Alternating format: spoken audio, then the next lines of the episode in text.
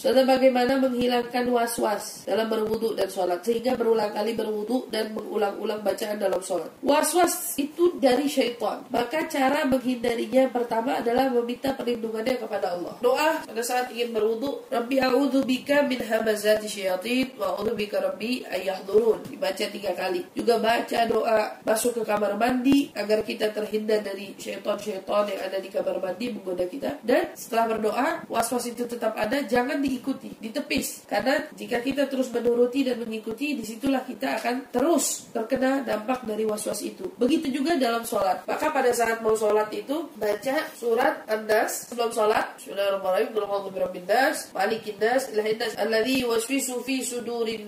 Itu pas lagi alladzi yuwaswisu fi sudurin nas, tepak pahanya tiga kali paha kiri. Min syarril waswasil khannas tepok tiga kali. Alladzi yuwaswisu fi sudurin nas minal jinnati wan itu dibaca sebelum takbir. Insyaallah waswasnya hilang